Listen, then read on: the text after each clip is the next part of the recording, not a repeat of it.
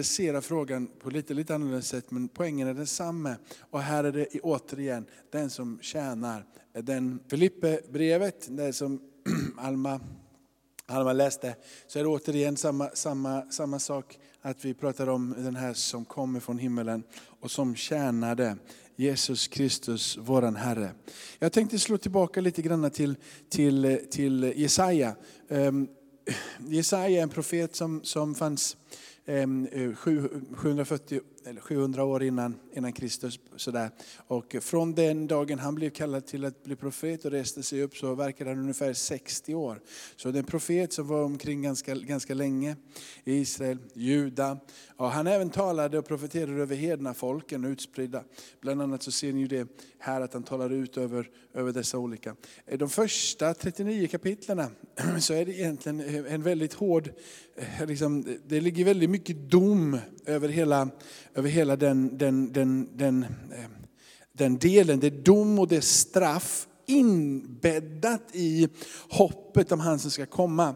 Och en av de starkaste texterna från, från Jesaja har du i kapitel 9, och så har du, eh, om jag, du har en kapitel, kapitel 53 och, och, och de, det som ligger runt omkring där.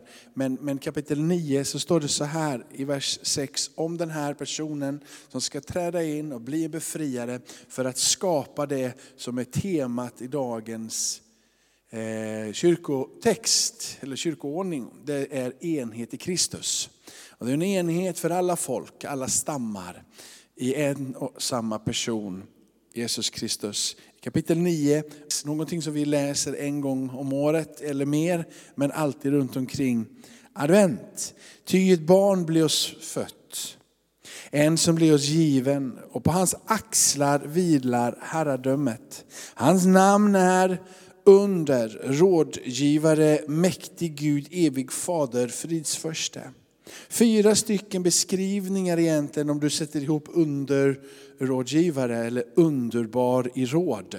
Som det står i vissa texter. De här fyra sakerna får någonstans igenkänna kraftfullheten i den Messias som Jesaja profeterar ut ska komma, vars herradöme ska vila på hans axlar. Det är alltså han som är enheten, han är hörnstenen, han är den som sammanfogar hela kroppen, hela enheten. Det du sen ska stå idag vid nattvarden och du ska säga ett enda bröd, en enda mänsklighet. En kropp som blev sönderbruten för att hans kropp ska få liv i han. Underbar rådgivare. Helt enkelt, det finns ingen som är lik honom. Jesus sätter sig inte tillsammans med Mohammed och med buddhism eller vad det nu än må vara i samma bokhylla som Alexander den store. Han platsar inte på någon plats i den här bokhyllan. Han är för alla andra. Han själv säger, jag sätter mig inte på den hyllan tillsammans med någon annan. Och ingen som talar om vem han är sätter honom på samma hylla. Utan han är utan like. Det finns ingen som han. Det talas om det och han säger det. Därför kan han skapa enhet. Han är fullkomligt pålitlig. Han är inte beroende av att omständigheterna är på rätt plats. Han är källan till liv. Han är den som är ursprunget, han är den som är hoppet. Han är den som är pålitlig, alltså han kan vara den som för den här enheten tillsammans. Det som är det, det förundliga med den enheten som finns och med den gemenskap som vi har i Kristi kropp, i Kristus är att den inte är byggd på kaffe, fotboll och att vi har gemensamma intressen. Det är en andlig gemenskap som går bortanför all typ av mänsklig gemenskap. Även om den mänskliga gemenskapen utav bara få lite hud innefattas i en andlig gemenskap. Han är trots inte allt bara en ande och vi är inte heller bara en ande. Men i grunden så är det bara en andlig gemenskap. Vi är sammankallade för ett syfte, att återspegla vem han är. Vi är sammankallade för ett uppdrag, för att tala om för världen vem han är. Vi är således helt beroende utav att det är han som sammanfogar, han är enheten. Det är han som ger ande, det är han som ger liv. Det är han som ger oss uppdraget. Han är en mäktig Gud en bekräftelse direkt ifrån profeten Jesaja, 700 år ish innan Jesus kommer, att han är Gud. Han är där tillsammans med Gud. När han säger evig fader och påpekar på att han ska herradömet vila, så talar han nu om att precis som fadern så är han evig. Det finns ingen tidsbegränsning på honom. Han fanns innan, allting är till genom honom. Fridsförsten, han som regerar med rättfärdighet, frid och rättvisa.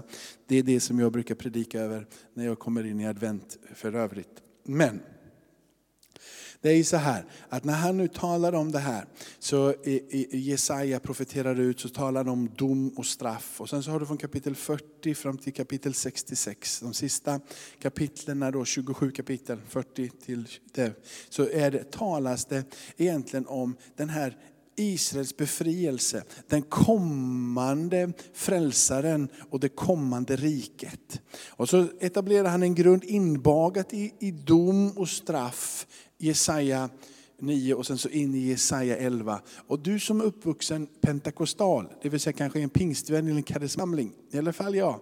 Jag är uppvuxen med att de raderna som finns innan här, de var inpräntade i mitt huvud. Gissa vilka rader det är om du är klassiskt pingstvän. Jag vet inte Oskar, om du kan komma på vilka rader som är innan. Svårt, men jag lovar att när jag säger det så kommer du att reagera direkt.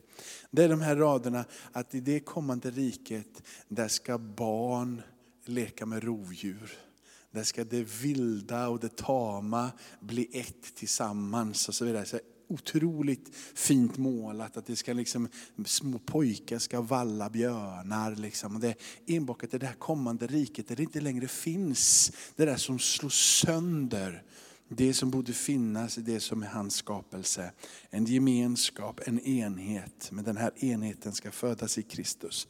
Och det som kommer fram genom hela profetboken, det är också att det går i etapper. Så det som profeteras och det som talas, det sker å ena sidan ganska närliggande tid, men det finns en senare uppfyllelse av det också. Det tydligaste exemplet med det är ju profetierna om Jesus, det vill säga det kommande riket som blir etablerat när Jesus dör och uppstår 7000 år. Men det finns fortfarande saker som ännu inte har skett, till exempel det som står innan i kapitel 11 om att vilda djuren ska vara tillsammans med tama djuren och så vidare. De sakerna har ännu inte kommit, men det är en och samma händelse som ger fortlöpningen till båda de sakerna. I den här kontrasten av dom, straff, av enhet i Kristus, så kommer det fram och föds fram att det är bara genom att vi tjänar varandra som det kan ske. Där vi inte har den ordning som finns i världen, utan en helt annan ordning inom hans församling. Jesus, Jesus när han kommer, går in under en helt annan ordning än den han är själv är van vid. Han begränsar sig själv. Han begränsar sig själv och det är obegripligt när du förstår vem det är vi talar ut om. Han som är fridsförste, mäktig Gud, underbar rådgivare och så vidare, evig fader. Han begränsar sig själv. Han blir fattig, han bor inte på ett permanent ställe hela tiden, även de första 30 åren kanske han gör det, men sen så är han ute och vandrar, han röver den fattige, han botar, han botar den sjuke. Han lever inget normalt liv, han ger ger sig 100% för andra. Han förbarmar sig över folket, men han blir förkastad utav det sina. Jesus visar på det sättet den enhet som föds utifrån profetorden sagda, den enheten som föds genom korset och dess kraft, är en annan ordning än den som finns i den här världen. Likasinnade, vi tycker om samma färg, vi tycker om samma sak. De där sakerna är inte det som är det som bringar oss samman. Så när en bil går sönder så kan du lämna in bilen på verkstad och du kan få en ny motor, du kan lackera om den. Och när bilen kommer därifrån så kan den se ut så, så, så, så som ny, eller så som den såg ut innan.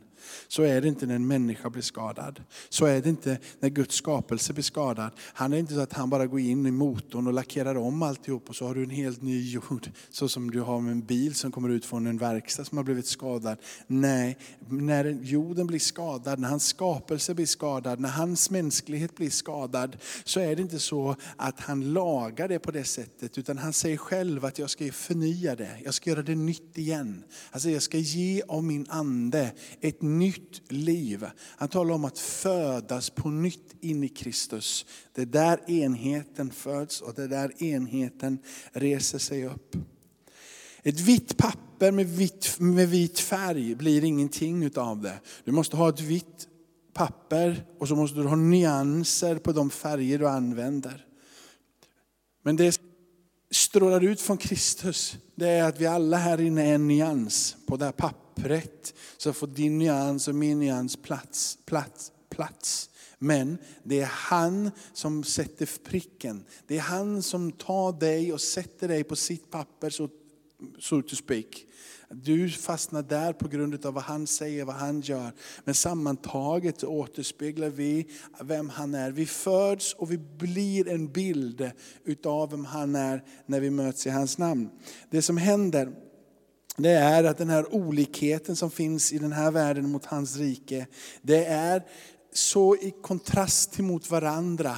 Så du behöver få dö för att få tillbaka det livet. Du måste själv försaka dig själv för att hitta in i den friheten, in i den enheten.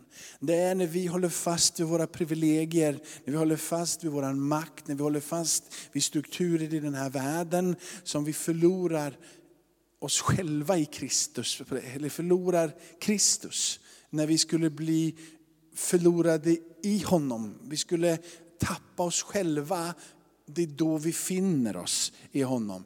Vi håller fast vid saker och ting och det är det som lärjungarna inte har förstått än. Det är därför de pratar som de gör i Lukas 22, Markus, eh, 10 och de här situationerna där han måste tala om tjänande. För man håller fast å ena sidan vid en struktur som är i den här världen.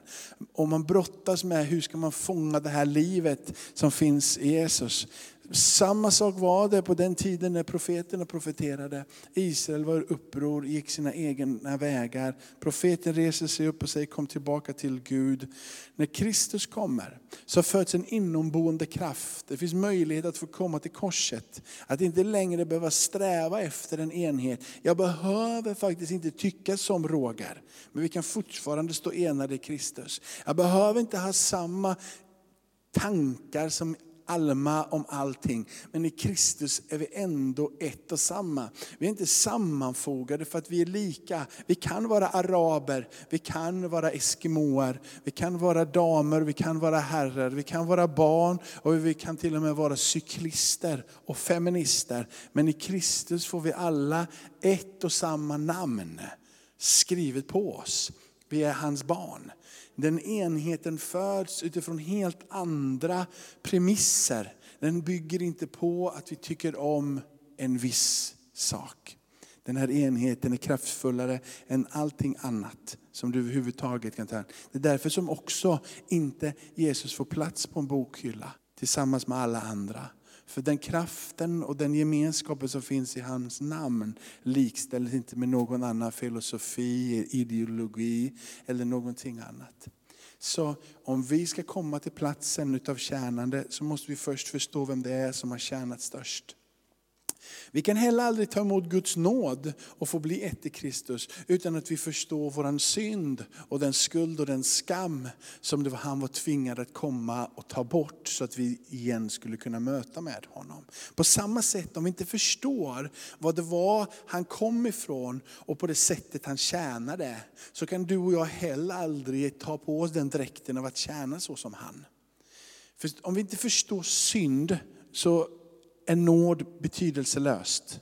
Om vi inte förstår att du och jag har syndat och att du och jag är så långt borta ifrån Gud att vi aldrig någonsin skulle kunna få komma till Gud. Men på grund av korset så kan vi ta emot nåd och få komma till honom. Men om syndens stygn, som man sa förr, inte finns i våra hjärtan. Om synden av det som är, allting är liksom uppblandat i någon form av härlig liksom soja, soja, ingefära, ingefära. Liksom, det, är inte, det är inte farligt med någonting. va? Eller hur? Soja, soja, ingefära. Det var ingen annan som tyckte att det var roligt. Jag tycker det är lite roligt. Men, eller hur? Det är ingenting är farligt, ingenting är, skadligt, ingenting är jobbigt. det är liksom ingen fara med någonting. Soja, soja, bara ta det lite lugnt så, så ska nog det där gå över. Om inte synden får vara synd så kan inte nåd vara nåd. Om inte du förstår att Jesus har kommit för att tjäna så kommer du heller aldrig vilja tjäna. Du kommer alltid söka en plats, en plats, en plattform, en position. Men om du ser att Jesus kom och tjänade, att han la ner sitt liv och att han i allting såg den Andes bästa. Det är det som Filipperbrevet säger, men vi har surrat ut Filipperbrevet 2, vi förstår det inte längre. Vi hyllar Jesus, men Jesus själv säger ta mig som exempel. Så adresserar han sitt tjänande på dig och mig. När du förstår synden förstår du nåden, när du förstår tjänande så förstår du din roll. Och när du förstår din roll i hans kropp så föds en enhet i hans församling som är bortanför allting. Du söker inte längre vilken roll kan jag ha i detta, utan hur kan jag tjäna de andra som finns runt omkring mig på bästa sätt. När vi alla har en attityd så som Kristus sa, när vi är till sinnes så som han är till sinnes, så söker vi inte utan vi ger. Vi finner ett behov och vi fyller det behovet. Det stora är att vara till för andra. Vi blir oss själva och kan förverkliga våra möjligheter först när vi fogas in i det Gud vill ha oss. Och frågan om tjänst, om att tjäna varandra.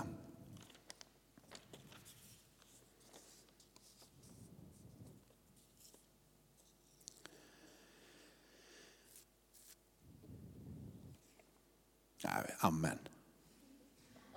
Det blir ett konstigt slut. Ja, men det blir som att nästan får ta en predikan till nästan. Men jag, om jag fortsätta. På en poäng till och då blir det en kvart eller tio. Liksom, men, men eh, så, så jag säger amen. Så, så den som, den som, den som så fråga Gud, hur ska, jag, hur ska jag hitta den där rollen? För den är, den är, inte, den är inte så lätt att hitta. Um, det är, vi har alla en, alla en tendens att när vi kommer till kyrka, när vi kommer till att vara en, i en församling, en, en viss typ av stil eller sätt som vi gillar. Och, eh, och, och, och, vi får nog bara säga att inget av det är andligt, utan det är bara generationsbaserat eller, eller smakbaserat. Jag är, jag är akademiker så jag tycker om Bach. Eller jag, jag, jag är liksom skogshuggare så jag tycker om rock. Eller vad det nu än är. Det är mycket mer baserat på vad man har för någon infallsvinkel i livet. Eller vad man kommer från generation. Än vad det skulle vara andligt. Utan vi hittar bara ett uttryckssätt där. Och det är, det är otroligt viktigt, vad är det mer vi har? Så stil att predika. Jag predikade i lördags kväll och första gången någonsin, så mer eller mindre, så hade jag bara en liten bibelvers. Jag tänkte att jag skulle försöka säga men roliga saker, eller hitta liksom andra vägar än att bara stå och undervisa och predika och vara klok och smart. Och bara känslan av att sådär lite grann. Och då var det en som kom fram efteråt och sa så här, mindre humor, mer bibeltexter. Och då, och då känner man så här, vilken värld lever du i broder? Så, va? Och det, vi kommer alltid ha det här runt omkring oss. Vi kommer ha åsikter, vi kommer ha tankar. Folk kommer tycka, folk kommer tänka. Men det som ingen kan ta på, det är när vi tjänar så som han tjänar. När folk uppfattar att vi inte gör det för egen vinning. När folk ser att vi inte kämpar för att höras eller märkas. Så kommer det alltid finnas en grundrespekt för det som sker. Att vi är här för att se och möta de som är runt omkring oss. Jag tror att vi behöver, behöver väcka, det, det, det finns ett uttryck för det mitt i vår församling. Det finns ett uttryck för hur ser det ut att tjäna varandra. Hur låter jag mina åsikter få komma under och någon annans åsikter komma högre. För att kunna tjäna och hjälpa dem att hitta sin plats. Så att jag också får se det som jag drömmer om hända i ditt liv och i mitt liv.